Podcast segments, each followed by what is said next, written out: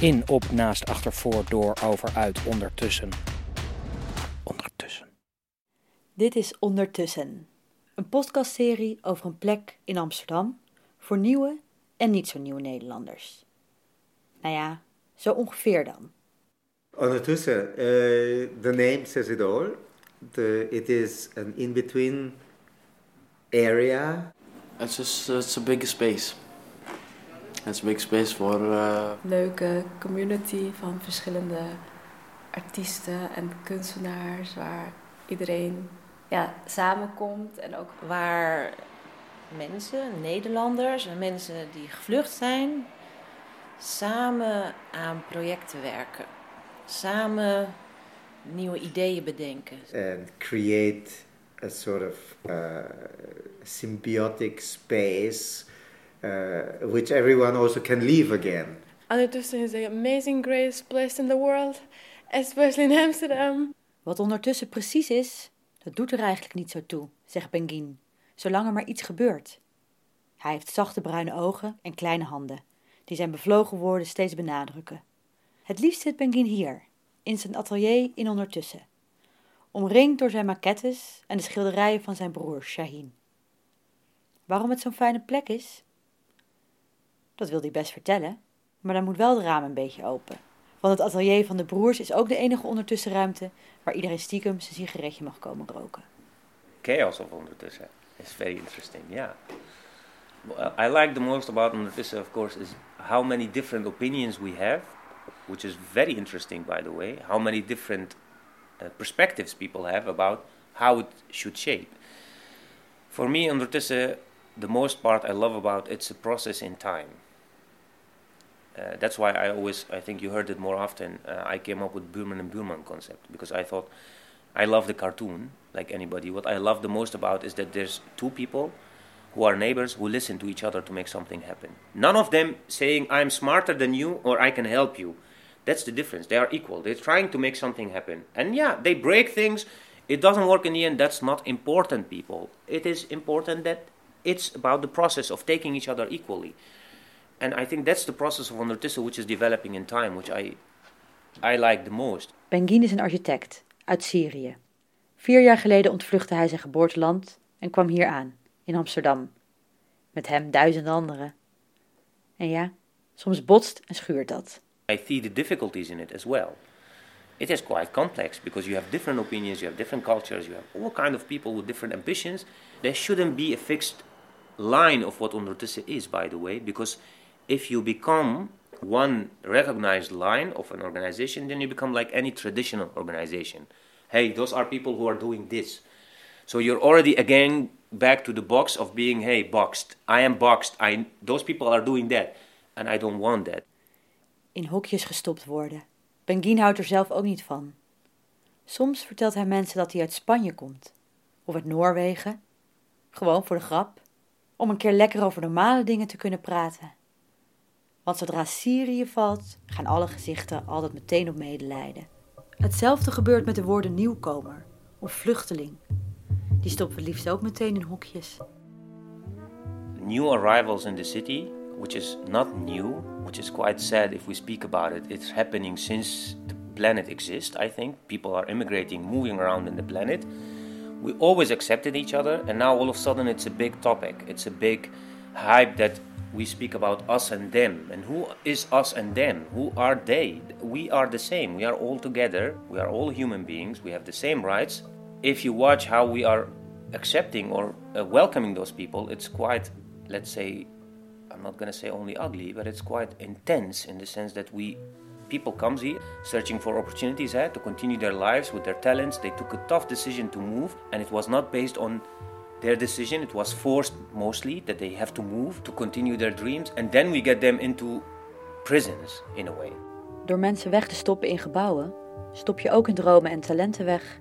The idea is that the AZC are closed is very, um, let's say, waste of talents, waste of time, waste of energy of people. People come with hopes and ambitions, they want to do something. So if we open up that process, if we make the space for that to happen, people can show their talents, can show why they moved, why they want to continue, what's their hopes and dreams.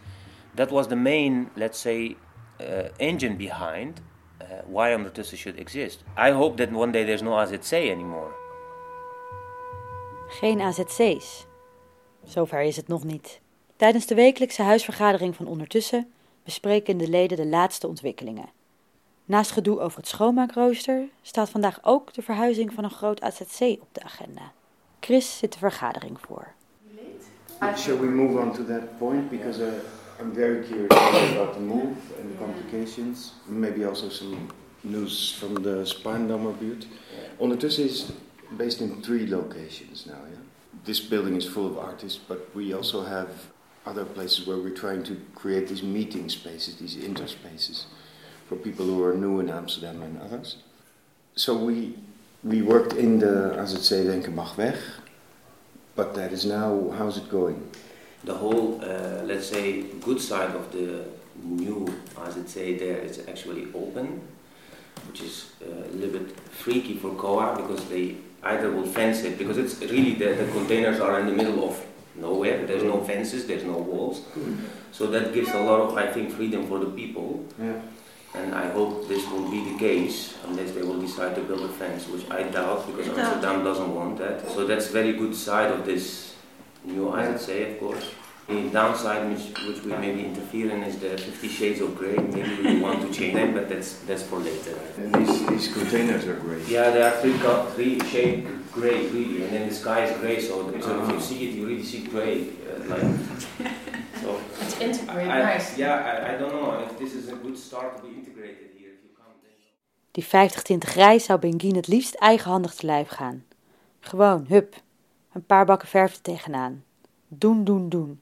So sometimes I'm also a little bit like uh, too quickly uh, because I'm you know impatient sometimes because I want to do something, I want to make something, and then I also learn in the time sometimes she's like yeah but you're wrong because now you're also pushing unconsciously. Let's say the the the, the moment I personally also felt like okay I had a little bit of ego there was you know when we are setting up the building when we are building everything eh, uh, I try to engage everybody in already in the building to be part of the building by painting, by organizing the interior. This was my idea. So if you already engage the people, they become part of the building. And of course, not everybody showed up. And um, I tried always to be uh, show to to show how it works. So I was there, I was doing everything. And at the moment, I got hernias in my back because I was carrying everything.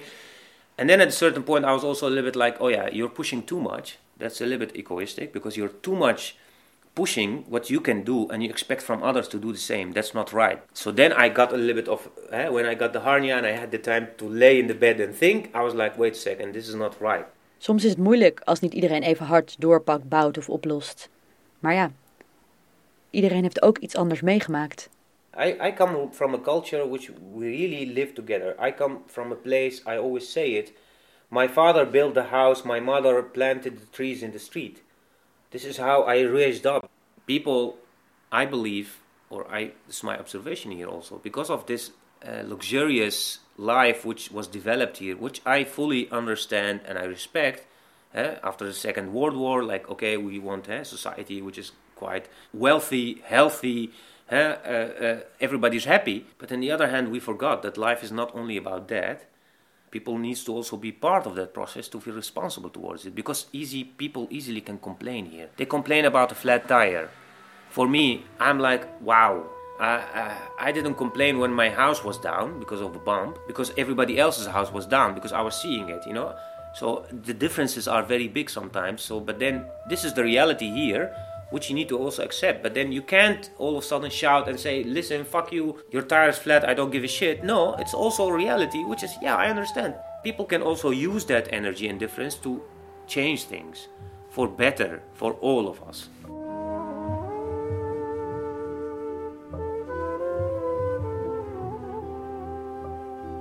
But in a way, it opens your eyes. It's bigger than you think.